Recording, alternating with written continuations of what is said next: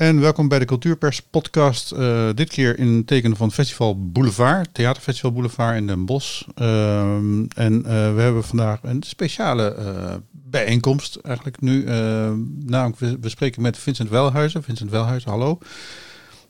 Bo Tarenskeen en Romy Roelofsen. Um, en de, de, de aanleiding waarom wij elkaar spreken is de Indië-herdenking, of moeten we zeggen de, de, de viering van de bevrijding van Indonesië, of de, het einde van de bezetting door Nederland van Indonesië, of nou, hoe, hoe moeten we het noemen? Nou, in ieder geval niet de bevrijding van oh, Indonesië. Ja. Um, omdat, ja, dat is het wrange. Toen hier 5 mei uh, 45 in Nederland, in dit deel van Nederland, de bevrijding werd gevierd, zaten in uh, Nederlands-Indië, was, was, de Japanse bezetting nog uh, in volle gang. Um, waar heel veel Indonesiërs en Nederlanders en Indische Nederlanders onder lijden. Um, dus, maar toen Japan capituleerde op 15 augustus en er een einde kwam aan de Tweede Wereldoorlog in de hele wereld, brak eigenlijk niet lang daarna, al september, um, de vrijheidsstrijd los uh, in Indië. 17 augustus um, verklaarde Sukarno en Hatta onder druk van um, jonge militanten, eigenlijk nou, militanten, daar gewoon vrijstrijders, die, er, die vonden dat Sukarno er te traag over deed. het de diplomatiek aanpakte. die riepen de onafhankelijkheid van Indonesië uit, 17 augustus. En daarna uh, brak eigenlijk een, soort, was er een soort geweldsexplosie in september, uh, genaamd de Bersiap, gericht tegen alles wat niet Indonesisch was. Uh, Chinezen, witte Nederlanders, Indische Nederlanders, dus gemengdbloedige mensen met zowel een Indonesische als een Europese achtergrond. Um, dus het was een beetje van de, van de Nederlanders daar, van de regen in de van de Jappenkampen in de Bersiap, in de jacht in de, de jacht die op hen werd gemaakt. Dat ging weer over in de, de, de, de, koloniale herbezettingsoorlog vanuit Nederland. Um, dat resulteerde in de, soeverein, de, de soevereiniteitsoverdracht in, pas in 1949 vanuit Nederland. En dat leidde weer tot um, de, een soort massale exodus, een vlucht van uh, Indische Nederlanders uh, uit Indonesië naar Nederland, waar ze um, ja, eigenlijk lange tijd als tweederangsburgers werden uh, beschouwd. Vanwege een huidskleur. Dus voor Indische Nederlanders is het 15 augustus geen bevrijdingsdag. Nee, dat is duidelijk. Um, Botaris geen. Um, maar 15 augustus is wel, ik begrijp ook, de Festival Boulevard heeft eigenlijk wel die datum aangegrepen als een, als een dag om, om heel erg stil te staan bij 75 jaar einde uh, van, van de Tweede Wereldoorlog, die dus nou, voor, voor, voor Europa op 5 mei uh, eindigde, maar voor Nederland en voor Nederlands-Indië in ieder geval die 15 augustus een uh, belangrijke datum is. Dat is de capitulatie van Japan, begrijp ik als het goed is. Dat is eigenlijk gewoon wat we dan, wat we dan herdenken na de atoombommen op Hiroshima en Nagasaki. Um, en het is wel interessant dat, dat daar eigenlijk in alle, dat is ook wat directeur uh, van Hulst aangaf, dat eigenlijk nergens in Nederland die 75-jarige uh, herdenking enige uh, betekenis heeft gekregen dit jaar. En dat jullie dat eigenlijk nu doen met Festival Boulevard. Klopt dat een beetje, Vincent? Uh, nou, er wordt wel op een aantal plekken in Nederland wordt het wel, zeker wel herdacht. En er zijn wel bijeenkomsten, maar zo groot als 4 en 5 mei wordt herdacht, is dat, is dat niet. Wat wel vreemd is inderdaad, omdat zo'n anderhalf uh, tot 2 miljoen mensen wordt geschat in Nederland uh, een relatie heeft met het voormalig, de voormalige kolonie of met Indonesië of de Molukken. Ja. Dus dat is, dat is best een hele grote groep ja. Nederlanders die daartoe behoort. En dat is wel vreemd inderdaad dat het niet zo groot wordt herdacht als 4 en 5 mei. Ja. ja. Uh, Romy Rolofsen, uh, jij bent ook een van de organisatoren van uh, het, het, hele programma op Boulevard rondom deze uh, herdenking. Of, nou, wat, hoe moet het eigenlijk noemen? Is het een herdenking? Is het een viering? Is het een... Het is een herdenking. Ja. ja. en ehm, ik ben niet een van de organisatoren, maar um, Victorine van Hulst heeft mij gevraagd uh, redacteur te zijn van een uh, podcastserie. Aha. Met ehm, Indische en uh, Molukse verhalen en reflecties. En dat is een serie van zes podcasts. Oké. Is die al klaar? Is die al online? is die al te beluisteren? Ik denk dat hij binnen een paar dagen online komt, gefaseerd. zoals ik net al zei, zes schrijvers.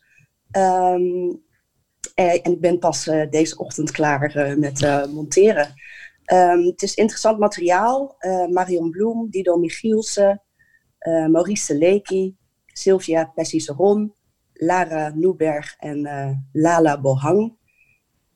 En nu ben ik iemand aan het vergeten. niet te vergeten, Eveline Stoel. Oké. En wat, wat, wat, wat gaat deze podcastserie behelzen? Um, het is het zijn allemaal uh, fragmenten die gelezen worden door de schrijver zelf. Um, uh, qua tijd is het ook een. Uh, ja, het beslaat eigenlijk de koloniale tijd. Maar ook hoe, die, um, hoe de koloniale tijd invloed heeft gehad en nog steeds heeft op persoonlijke levens, familiegeschiedenissen en ja, ook wel de huidige tijd van nu. Ik had ook het gevoel dat, dat, dat, dat de Indische gemeenschap heel erg onzichtbaar probeerde te zijn. En dan wel met romantische gevoelens uh, terugdenken aan Indonesië en Tempo Dulu, al dat soort uh, uh, termen waar we dan nou ja, mooi, bij wegmijmerden. Ons fantastische koloniale rijk, wat helaas was, was verdwenen. Um, ja, en, dat er eigenlijk nu een generatie is die daar heel anders over denkt. Is dat, is dat correct? Nou, je, volgens mij heb je om de zoveel tijd een, een nieuwe golf kritische Indische denkers hoor. Ik heb het idee dat je in de jaren tachtig ook al. Um, maar de, de, de, de, trend blijft wel, is wel heel lang geweest, inderdaad, uh, spreken over uh, Nederlands-Indië als een, een uh, soort verloren paradijs. Ja. En daar met weemoed naar terugkijken en over schrijven. En ook de foto's die, al, die we altijd zien. Um, van mooie brede galerijen, mannen in uh, smetteloze witte pakken met prachtige tropenhelmen. Um, die de, de, de controleren. Maar wat erachter zich bevindt en wat, onder welke omstandigheden die noten werden geplukt en door wie. En hoeveel belasting ze daarvan moesten afdragen, dat, dat, dat zien we niet. Uh, zelf heb ik toevallig op uh, eindexamen geschiedenis de koloniale tijd behandeld. Maar mij ben ik daarin een minderheid. Ik uh, ken verder niemand die op de middelbare school um, les heeft gehad over de, de, koloniën. Um, er is wel nu een. Samen, dat, dat, ja, eigenlijk, eigenlijk parallel met de Black Lives Matter beweging, een soort, een soort herdefiniëring van de geschiedenis aan de gang. Um, waarbij, kijk, er is altijd op een soort schizofrene manier over de Nederlands-Indische geschiedenis gesproken in, verschillende tijdsblokken. Um, namelijk na de, de, de dekolonisatie, uh, de Japanse bezetting en de periode voor de Japanse bezetting, de koloniale tijd. Um, maar wat, wat die drie met elkaar te maken hebben, het narratief van de kolonialiteit en hoe heftig die onderdrukking was vanaf de VOC, de, het uitzuigen, het geweld. Hoe heftig dat geweld was vanuit Nederland uh, naar Indonesië. En hoe dat heeft doorgewerkt um, ja, tot, en met de, bevrijdingsoorlog vanuit de, Indonesiërs. Um, daar, dat is volgens mij nooit. Daar krijgen we heel weinig uh, van mee.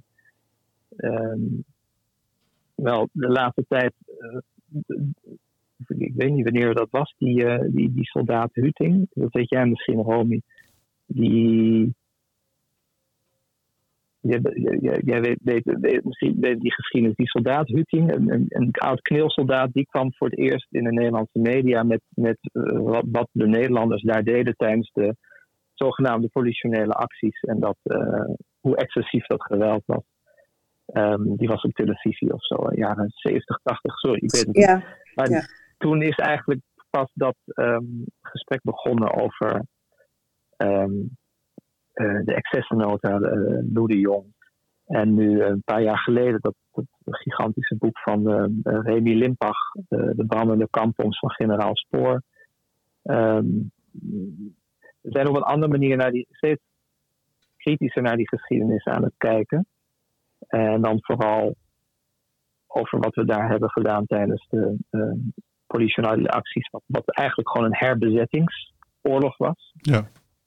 Um, maar het, het, verhaal van hoe heftig die kolonialiteit is, dat, dat is nog niet echt ingedaald, merk je, bij, uh, bij het Nederlandse uh, volk, collectief bewustzijn, collectief geheugen. En ook niet hoezeer wij vervlochten zijn, Nederland en Indonesië. Hoezeer we dat land bepaald hebben, eigenlijk uh, op een symbiotische manier. Um, dat is ook niet. Het is echt een land van miljoenen mensen, duizenden eilanden en talen. Uh, de grootste um, moslimdemocratie ter wereld.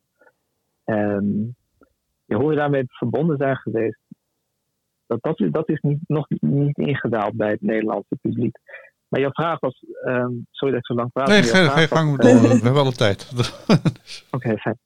Um, hè, over de, de, uh, um, de Indische gemeenschap, laten we het maar even noemen, die ook zelf in die termen sprak over die tijd, met weemoed en tempo dulu en verloren paradijs. Um, wat je ziet bij de, uh, de Indische gemeenschap, en nu even maar te generaliseren voor de sake of the argument, um, is, is een, een, een, een, jarenlange neiging om liever bij de blanke Europeanen te willen horen dan bij de Indonesische voorouders. Indo's, Indische Nederlanders, die hebben zowel een, uh, Indonesische, Javaanse, Sumatraanse uh, oermoeder als een Europese witte ja, ik, uh, ik, had, ik, had, een relatie met een in, in, Indische vrouw en haar moeder, die dus uh, zelf uit Indië was gekomen, die weigerde Indisch te koken bijvoorbeeld. Die ging ja, kijk, keihard ja, hutspot en boerenkool koken en die echt, echt er, kwam geen knoflook meer in. dus dat, uh... wat, wat, wat, je ziet, ja, precies. Wat je ziet in die geschiedenis, die echt lang geleden is begonnen, waarbij er een soort van uh, tussengroep, tussenras, een groep van gemengd bloedigen, um, halfbloedjes, ook wel genoemd in die tijd. toch? Ja. Dubbel, dubbelbloed klinkt mooi. Ja. is ontstaan, namelijk wij, de Indo's. Um, eigenlijk het, het, racisme vanaf van de kolonisator, uh, die leerde dat uh, alles wat wit was, was beter en superieur. Dat is eigenlijk geïnternaliseerd. Mm -hmm. En, en is ook eigenlijk aangeleerd, ook omdat um, de Indische Nederlanders, dus, ja, de Indische Nederlanders, gemengdbloedigen, die kregen Nederlands staatsburgerschap. Dan had je een Indonesische of inlandse moeder, moet ik dan zeggen, denk ik en een Europese of Nederlandse vader. En dan was je zelf Nederlander. Als je tenminste erkend was en niet werd teruggestuurd naar de kampong. Um, en ja, dat, er is heel veel uh, racisme geïnternaliseerd. Het verlangen om bij de, de, de, de, de, superieure blanke Europeanen uh, te horen is geïnternaliseerd. En ik denk dat, dat het in die lijn ligt. Dat is een lijn van uh, ja, eeuwenlang geweld, zullen we maar even noemen. Um, wat je nu nog steeds ziet als, als, als een, een, Indische vrouw weigert Indisch te koken of uh, te praten. Dus dat, ja, dat, dat, dat is die lijn eigenlijk. En, en er is ook een soort schizofrenie uh, al heel lang die speelt. Dat, dat de Indische Nederlander um, heel lang heeft ontkend hoezeer zij verbonden zijn met het Indonesische volk. Hmm. Is, is dat ook iets wat jij in je persoonlijke leven hebt ervaren, Bo? Nee, ik ben er vrij laat uh, bewust van geraakt eigenlijk. Uh, ja. Ik, ik, ik, ik, heb, ik heb mezelf wel eens Indonesisch genoemd en dan werd ik door mijn grootmoeder uh, liefdevol, half grappend op de vingers getikt van nee, jij bent Indisch. Je bent niet Indonesisch, jij bent Indisch. Um, dat je denkt, ja, goed, zij had ook een, een, een Chinese, Indonesische overgrootmoeder.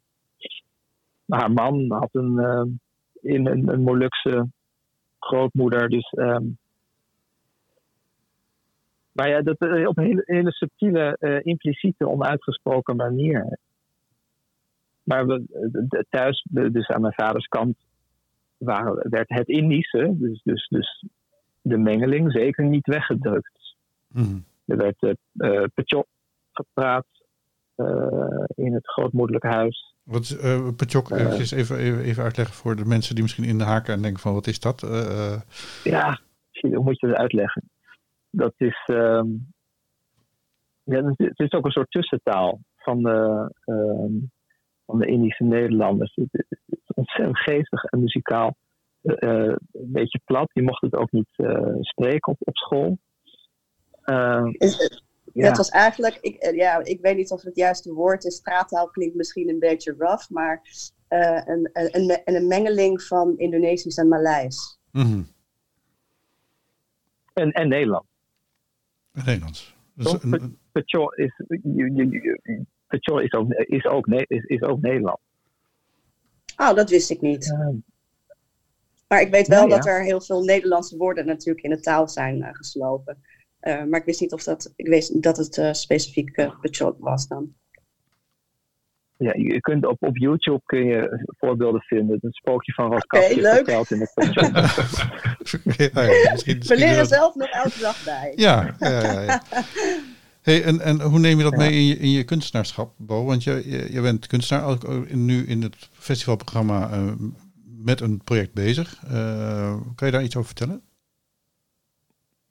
Ja, dat, zou dit jaar in première gaan. Uh, maar vanwege corona is dat een jaar uitgesteld. Dat is een, uh, een toneeltekst waar ik al uh, best lang aan werk. In 2014 begonnen. Um, een werktitel Het Indisch Perspectief. Um, ik, ik, had er toen, dankzij het theaterteksttalent stipendium, kon ik daarmee beginnen destijds van het Prins Bernhard Cultuurfonds. Um, en dat, uh, dat gaat, ja, kijk, het, mooie, ook als je vraagt het verschil tussen Molukkers en, en, Indische Nederlanders, dat, dat, is toch een soort, het is een lotgemeenschap. Een, een, we delen een noodlot met elkaar, namelijk um, een verhaal van ooit weggestuurd zijn ergens of gevlucht zijn. Het is een verhaal van ontheemding, uh, vervreemding, vernedering. Um, en dat, dat verhaal wilde ik um, in, in toneelvorm vertellen. Een, een meer, meerstemmig drama, uh, tragicomedie, over een uh, Indische familie van vier generaties. Die ieder op een andere manier geraakt zijn, aangeraakt zijn door die geschiedenis. In, in wie die geschiedenis doorwerkt. Omdat um, wat, wat, wat, wat mij opvalt in, in het, het, spreken over die geschiedenis is dat, dat het vaak door met een, een politieke of een morele, vooroordelende manier gebeurt, wat goed is. Maar wat mij meer interesseert is hoe dingen emotioneel doorwerken in verschillende generaties. Dus daar op een, een amorele manier naar te kijken. Gewoon wat, hoe is iets gebeurd, hoe kon iets ontstaan, gebeuren en, en hoe werkt iets door. Um, daarover eh, ben ik aan het eh, al heel lang aan het schrijven. En dat stuk gaat over een familie, een Indische familie. Met uh, allemaal uh, Nederlandse, Hollandse, blanke, witte aanhang. En um, uh, een, een, afscheid van een huis. Mm -hmm. En het verdelen van een Indische erfenis. En um, niemand wil het hebben. Het klinkt als een buitengewoon goed gegeven, als ik, als ik het zo hoor. Uh, en, en dat is iets waar je, waar je nu nog aan, aan, aan het werk bent? Uh, of is het steeds al klaar? Of, of, of hoe komt er een lezing? De tekst. Hm? Nee, het wordt echt opgevoerd volgend jaar. Volgend jaar, volgend jaar, oké. Okay. Uh, ja, ja, Bij het Festival Boulevard gaat het in première met, met echte toneelspelers. dat is wel... En uh, ja. Oké. Dus um, zo eigenlijk dit jaar zijn was een mooie context geweest, 75 ja. jaar ja. Na de Japanse capitulatie. Maar goed, het is ook maar een getal. Ja, uiteindelijk wel. Uh, Vincent, uh, jij bent coördinator van dit programma uh, vanuit Boulevard. Um, er stond een aardige lijst dingen op, op, op, op de rol. En er staat nog steeds een aardige lijst dingen op de rol. Kan je er iets over vertellen over hoe. Ja, het oorspronkelijke programma met allemaal voorstellingen en samenwerkingen met uh, Indische en uh, Nederlands-Indische uh, kunstenaars. Dat is eigenlijk, gaat eigenlijk helemaal niet door. Omdat corona heeft toegeslagen en dat, en dat gewoon onmogelijk is om om dat te doen. En ook om kunstenaars uit Indonesië naar Nederland te krijgen. Dat is ook een onmogelijkheid vandaag de dag. Dus er is echt een heel nieuw programma, waaronder de India-monologen van Bo zitten daar nog in. de podcastserie die Romy nu aan het maken is, of vanochtend heeft afgemonteerd, die zit er ook in. er komt een televisieuitzending op 15 augustus rondom uh, deze thematiek met kunstenaars en uh, mensen uit Indonesië. Um, dus er is nog van alles te zien en te doen, uh, maar wel veel kleiner en allemaal coronaproof gemaakt. Ja. ja. Hoe, hoe, hoe, hoe, doen jullie dat, de coronaproof maken? Want, want bedoel, is er is nog sprake. Want ik, ik, Boulevard doet dit jaar heel veel met experimentele. Dat is mijn hond, sorry. Uh, maar uh, Boulevard doet heel veel met, met uh, bijzondere ontmoetingen organiseren. Van één op ja. één of kleine groepen. Hoe, hoe gaan jullie dat in dit verband opzetten? Um, nou, binnen het programma hebben we bijvoorbeeld in de Citadel in Den Bosch een openluchttheater gemaakt. Waar de, eigenlijk de hele zomer programmering plaatsvindt in de buitenlucht. dus dus dat, zo doen we dat. Ehm, Dries Verhoeven staat er met een heel mooi project waar je als individu in kan. Uh, dus we proberen op allerlei manieren korte, kleine ontmoetingen of grote ontmoetingen bijvoorbeeld in de Citadel te faciliteren. Uh, maar allemaal op zo'n manier dat het op veilige afstand is en dat, uh, dat, dat iedereen er goed kan toeven zonder angstig te hoeven zijn om een virus op te lopen. Ja. ja. En een podcastserie bijvoorbeeld past daar perfect in. Ja. Waarin je wel echt contact, en daar kan Romy eigenlijk veel meer over vertellen, maar waarin je wel echte verhalen hoort, maar niet uh, uh, ergens daar speciaal voor naartoe hoeft. Ja. Dus dat kun je gewoon thuis, thuis op je bank of op het strand tijdens je vakantie doen. Ja, Romy, audio is nieuwe video.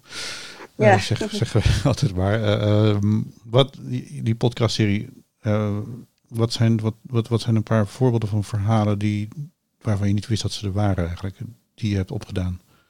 Um, nou, het is niet echt zo dat ik niet wist dat ze er waren. Uh, mm-hmm. Ik heb ze gekozen op um, ja, dat ik het belangrijk vind dat er uh, bij deze verhalen stilgestaan wordt.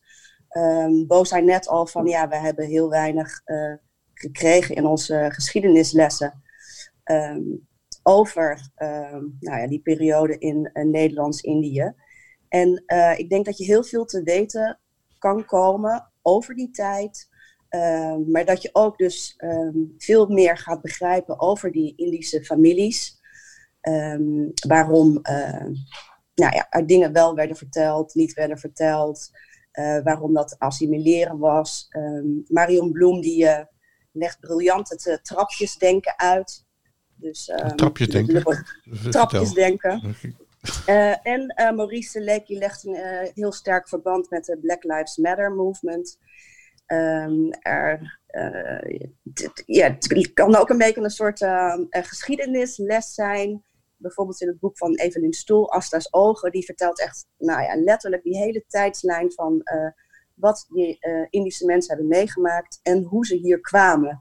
Um, um, in de contractpensioens, de Molukkers in de kampen en, en wat het met mensen heeft gedaan. Hmm.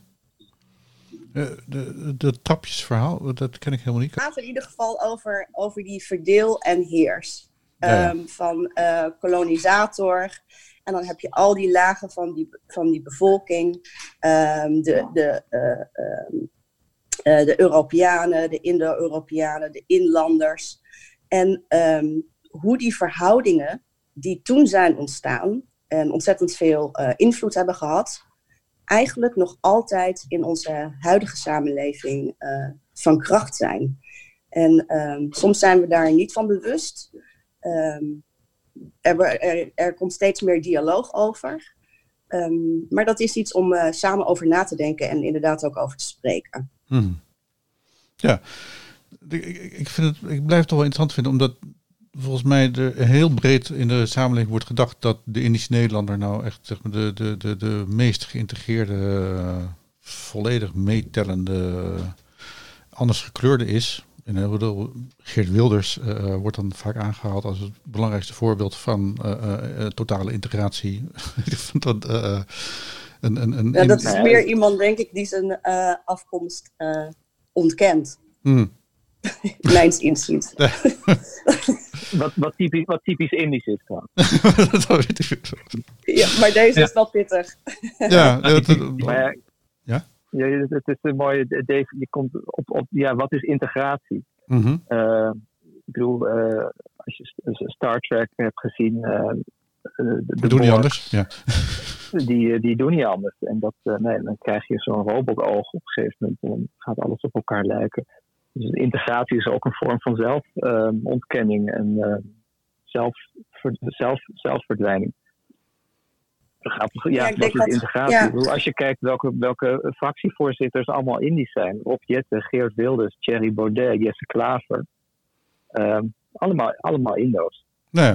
Um, dus ja, volgens mij dan kun je zeggen, die integratie is een beetje uit de hand gevlogen misschien juist.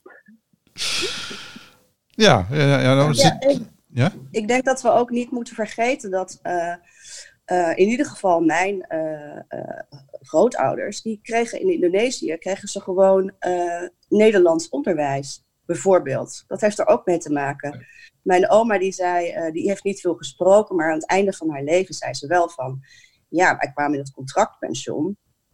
En daarna kwamen wij eigenlijk in een soort ja, achterstandswijk. Maar mijn opleiding was beter dan de mensen, de Nederlandse mensen die daar woonden. Hmm. Uh, ze hadden topografie gehad, uh, uh, ja, al dat soort dingen. De Rijn stroomt bij Lobit ons land binnen, ja. Sorry? De Rijn stroomt bij Lobit ons land binnen. ja, maar dat is natuurlijk wel een, ja. een, gegeven ook. Ja. Ja. En ze waren natuurlijk, um, nou, door de dingen die ze mee hadden ge gemaakt, super getraumatiseerd. Ik denk dat ze destijds de tools niet hadden om daarover te praten. Um, de geschiedenis um, was super diffuus. En uh, wat er is gebeurd ook voor hen. Uh, dus ze hadden zoiets, nou, hier, doorgaan, bam, afsnijden. Ja, ja. ja en uh, datzelfde herken ik ook in mijn familie, waarin bijvoorbeeld mijn oma was onderwijzeres in Indonesië. en kwam in Nederland en is gewoon gelijk weer gaan lesgeven. En mm. dat maakte dat ze eigenlijk heel snel weer in deze maatschappij terecht kon. En mijn opa, die een paar jaar later naar Nederland, uh, pas naar Nederland mocht, die was in Indonesië soort directeur bij een suikerrietfabriek. Woonde in een hele grote villa, kwam in, in Nederland in een heel klein mini-appartementje te, terecht, waar ze met z'n vieren moesten verblijven. En ging gewoon achter de werkbank in een gipsenfabriek uh, aan de slag. En uh, heeft geen dag geklaagd. Heeft nooit iets daarover gezegd dat het te min was. Is gewoon heel hard gaan werken in de fabriek. Mm -hmm. En dat, en dat is nou, ja, en dat is ook dat trapjesdenken. Uh, ja. Voordat zij uh, in Indonesië stonden zij op een bepaalde, bepaald punt op de ladder. Um, hier kwamen ze. Toen moesten ze weer opnieuw beginnen. dus invechten, ja, dat kan je alleen maar doen door je zo snel mogelijk te proberen uh, te integreren om bam bam bam weer hoger op die ladder te komen. Mm -hmm. Ja, en dan over die, die oorlogstrauma's, daar hebben ze nooit over gesproken. Nee. En in ieder geval in mijn gezin is daar nooit iets over gezegd. Dus daar hoor ik sinds ik nu bij Boulevard hier van alles uh, onderzoek naar doe en uh, met heel veel mensen praat. En dus ook met mijn eigen familie. Nu pas krijg ik te horen wat er allemaal gebeurd is. Ja, daar is, daar is 75 jaar over gezwegen. Dat, dat is best lang. Dat is heel erg lang. Ja. Uh, ja, dus ik, ik, heb zelf het idee van, van dat, uh, ook, ook tijdens de moeilijkste acties, uh, waar we natuurlijk vrij dichtbij betrokken was omdat ik naast IJsseloord woonde. Ehm, dat, dat er toen wel een soort, soort opening gekomen is. Maar dat is, is eigenlijk niet zo. Ik bedoel, Den Bosch heeft Kamp Lunette. Natuurlijk ook waar, waar, waar natuurlijk ook een, een, heel belangrijk grote kamp in eh, Nederland is geweest. Nou, eh, een goed voorbeeld is nu, we zijn voor Boulevard nu die, eh, die tv-uitzending aan het maken. En wij zijn interviews aan het houden, ook met een aantal mensen die in Brabant wonen, over deze thematiek en die uit Indonesië komen. En we interviewden een vader en een zoon. En we hadden die vader geïnterviewd eerst, waar de zoon bij was. Daarna interviewden we die zoon en die zei, ja, ik wil even terugkomen op wat mijn vader net zei. Dat heb ik nog nooit gehoord.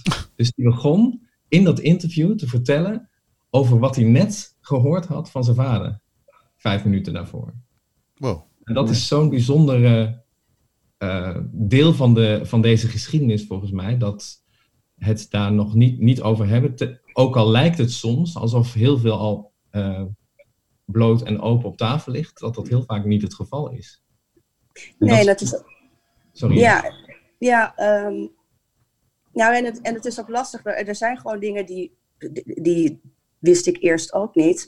Maar ehm, Lara Nuberg, die eh, schrijft dus in haar boek dat het zo is dat in 2003 pas de laatste betaling is geweest van Indonesië naar Nederland. Want zij hebben dus moeten betalen voor hun onafhankelijkheid. Really? Really. Mhm. Really. Dit is het punt. Je vroeg net aan mij van wat wist je nog niet. Dat Ja. punt wist ik dus niet. En ik denk dat heel veel mensen dat niet weten. Ehm, ja, en er zijn eigenlijk ook, ja, er zijn nog steeds geen ehm, excuses gemaakt van, van Nederland aan de gemeenschappen. En ehm, ja, de Molukse mensen eh, hebben hun loon ook nog steeds niet gekregen.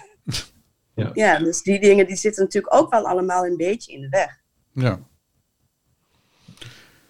Hey, ehm dit is nu een, het groot indie eh, eh, gebeuren natuurlijk bij Boulevard. Ehm, ook vanwege de datum natuurlijk. Is, is, is, is dit een eenmalig gebeuren of wordt Boulevard voor een deel ook een, een, een, wordt het een vast onderdeel van Boulevard? Heb je daar enig idee van, Vincent, Romy? Oh. Nou, ik, ik weet, eh, het- project van Bo staat voor volgend jaar op de, op de planning. Dus het gaat nog wel even door. Het zal niet eh, onmiddellijk een vast onderdeel worden. Omdat Boulevard juist heel erg relateert aan de dingen die er in de, in de wereld gebeuren. Ehm, maar we komen er niet onderuit om, om er in ieder geval mee bezig te blijven. Ook als Boulevard zijnde. Ja. Ja, omdat natuurlijk de, maar de, de, de eerste twee weken van augustus zijn natuurlijk ook, ook gewoon wat dat betreft eh, hele belangrijke data in het eh, afronden van de Tweede Wereldoorlog, om maar eventjes eh, net, net- netjes te zeggen. Dan, ja. Ehm, nou, ik, volgens mij hebben we het wel een beetje gecoverd, heb ik zo het gevoel. In ieder geval, het wordt een heel spannend programma, online zowel als offline. Want de India-monologen, eh Bo, die worden ook nog live uitgevoerd. Ja, ja, zeker. Dat is dus een, een, eh, een soort, soort herneming. Want dat is, eh, is het, vorig jaar is dat getoerd door Nederland. Ehm, heel veel verschillende sprekers van Indische en Molukse achtergronden. Eh, performers, acteurs, politici, schrijvers, muzikanten. Ehm, elke, dat was elke avond anders. Ehm, en een aantal van die sprekers die, die doen hun monologen weer. Onder andere Meili Vos, ehm, Ronald Douglas, eh, hele, hele goede eh, muzikanten die eigenlijk, eigenlijk met het, ooit met het idee kwamen. Ernst van Licht en Astrid Cerise. En dat is helemaal ehm, op deze vorm uitgegroeid. Dus dat, dat is twee keer te zien, live. Mij kunnen ook best veel mensen naartoe. 24 en 25 augustus, om precies te zijn, in de Ja. Citadel. Oké, want de Citadel blijft gewoon, eh, het festival is gewoon nu zeg maar uitgerekt in de tijd ook, als we begrijpen. Dus het is, Ja. het is, eh, het is niet op 15 augustus afgelopen, het gaat nog gewoon door eigenlijk. Ja, we hebben een soort sta, dus we zijn al iets eerder begonnen en Ja. we, we hebben ook nog een staartje, dus het loopt door tot eind augustus. Ja. Met her en der nog eh, van dit soort programmering, ja. Oké. Nou, ik, ik, dank jullie hartelijk. Ik ben heel erg benieuwd naar de podcast. Ik ben, ik ben op dit moment nog bezig naar de, met, met de plantage van mijn ouders over Suriname. Wat ik een, heel belangrijke podcast vind trouwens. Wordt, wordt dit ongeveer hetzelfde niveau, Robbie? Uh, ik heb die uh, nog niet uh, geluisterd omdat ik hiermee bezig was. Ja, ja, maar die ga ik natuurlijk ook luisteren. Ja. Ja, ja, in ieder geval een belangrijke podcast. Ik vind het eigenlijk wel heel fijn dat het in de vorm van podcast gebeurt. Eigenlijk. Dat is een heel prettige manier om, om dit soort confronterende geschiedenis tot je te nemen. Dus ik ben, ik ben daar erg, ik ben erg benieuwd naar, het, naar, naar de verhalen. Um, nou, ik dank jullie hartelijk voor jullie bijdrage. Voor jullie verhalen. Ik hoop dat jullie het gevoel hebben dat het in ieder geval allemaal nog wel een beetje op zijn plek gevallen is. Um, dat is allemaal natuurlijk heel erg live en toestanden. Um, Romy Roelofse, uh, cream vindt ze wel. Hij zei, we gaan elkaar vast weer ontmoeten in levende lijven op anderhalve meter of op andere manieren. Die om elkaar elkaar eventjes hallo te kunnen roepen. En wellicht tot ziens op Festival Boulevard in de post-corona tijd. Hey, dank jullie wel. Dankjewel. Zet de tune er even in en dan zijn we klaar.